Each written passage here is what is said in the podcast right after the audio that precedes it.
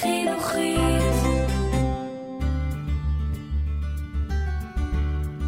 המדריך לשביל ישראל, פרק 23, משער הגיא לקיבוץ סובה, עם יואב גלזנר.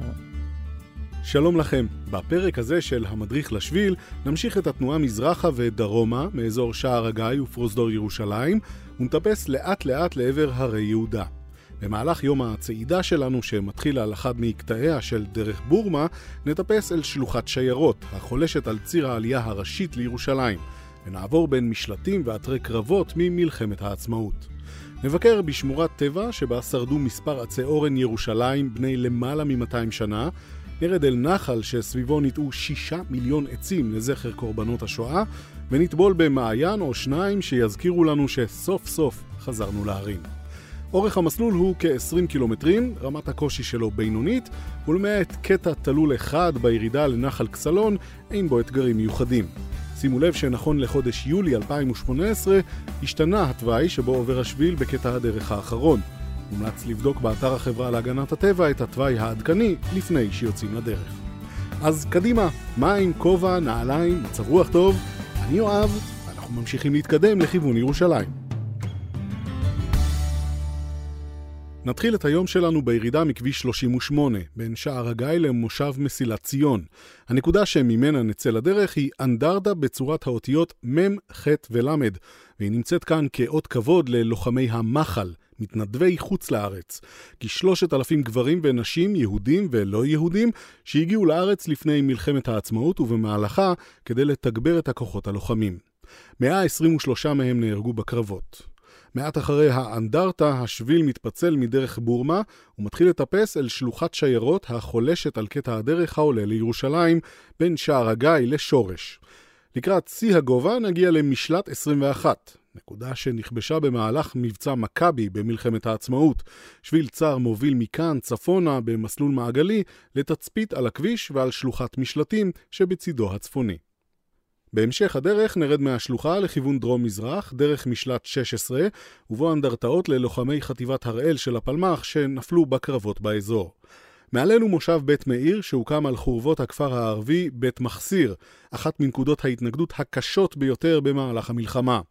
על הדרך המובילה למושב, שאותה חוצה השביל, נמצאת הכניסה לשמורת המסרק.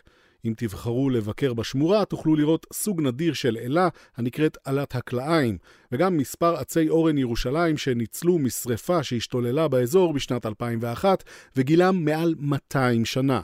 נוגה תספר לנו על העץ. יש יותר מסיבה אחת שמציבה את יערות האורנים בסיכון גבוה לשרפות ענק. האורן מכיל כמויות גדולות של שרף, ולכן הוא דליק במיוחד. המחטים הדקים והיבשים שהעץ משאיר לקרקע הם חומר מעודד התלקחות. ואם זה לא מספיק, אז על ענפיו מתייבשים אצטרובלים שבזמן בעירתם מתנפצים ומפיצים גיצים ברחבי הסביבה. ביערות הצפופים מגיע האורן הירושלמי לגובה של 8 מטרים, ובאזורים מרווחים הוא גבוה אפילו יותר. העץ נקלט מהר בקרקע ויכול לעמוד בתנאים של מחסור במים, ולכן קק"ל בחרה בו כעץ ייעור עיקרי. תוכלו למצוא אותו בין היתר בגליל, בעמקים, בגלבוע, על הכרמל, בערי שומרון, בשפלה, ואפילו בנגב הצפוני.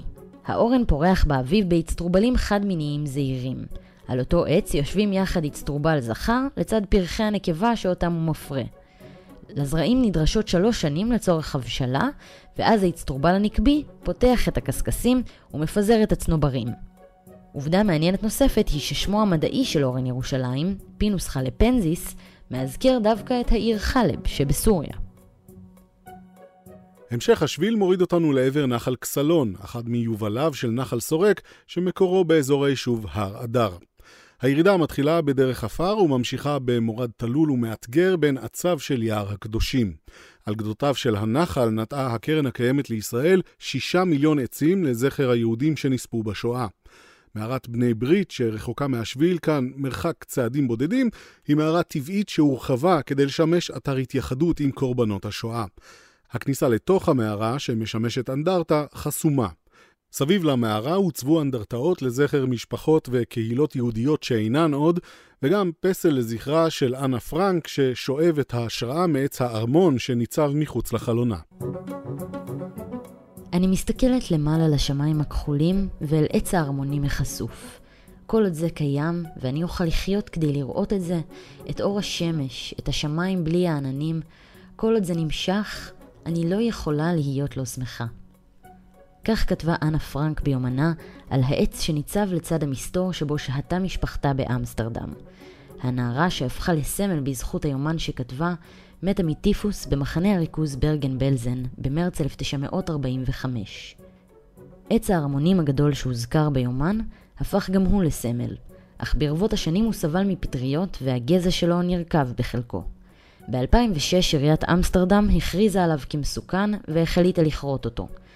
סביב הסוגיה החל מאבק ציבורי נרחב, עד שארבע שנים לאחר מכן קרס העץ בין 170 השנים.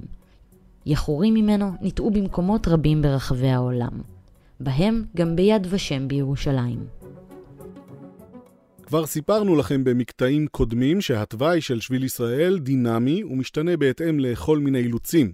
קטע הדרך ממערת בני ברית לכיוון נקודת הסיום של המקטע בקיבוץ צובה עבר במקור בתוך ערוץ נחל כסלון והמשיך על סימון השבילים האדום מצפון לקריית יערים עד למעיין בשם עין לימון או עין לימור, תלוי את מי שואלים.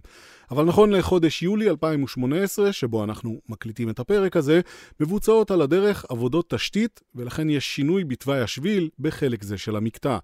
מומלץ מאוד לוודא באתר החברה להגנת הטבע את הנתיב העדכני ביותר לפני שתצאו לדרך. מהמערה השביל מטפס על הגדה הדרומית של הנחל, בדרך המסומנת בסימון שבילים כחול, מתחת לבתי מושב כסלון ולכיוון עינות בוקר. מעיין נפלא עם בריכת אבן שפשוט מזמין טבילה לקראת סוף יום ההליכה. סביב למעיין יש בוסתן קטן של עצי פרי, ומדובר בגן עדן של ממש.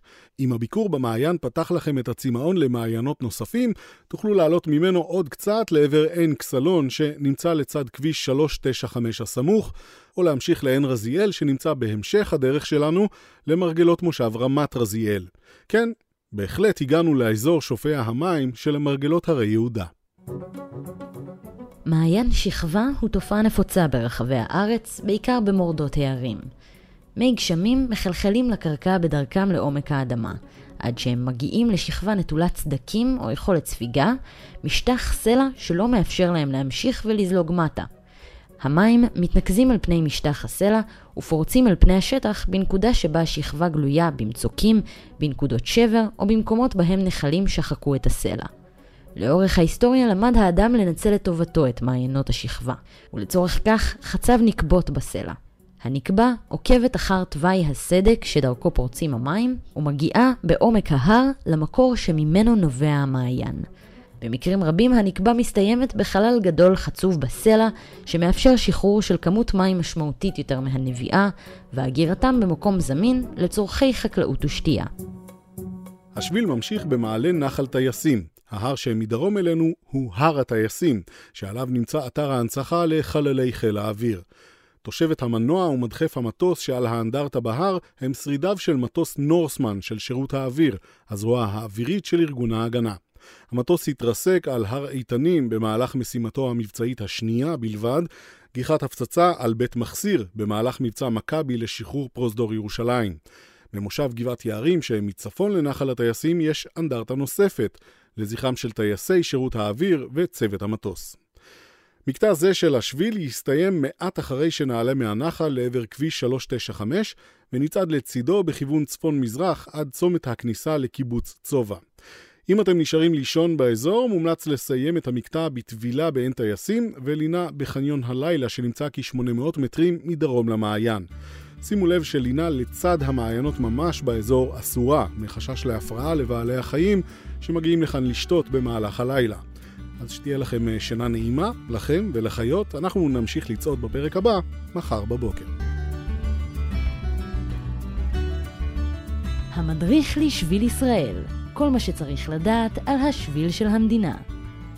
תחקיר ותסריט סיון רדל, קריינות נוגה קליין, עריכה והפקה יואב גלזנר וגידי שפרוט.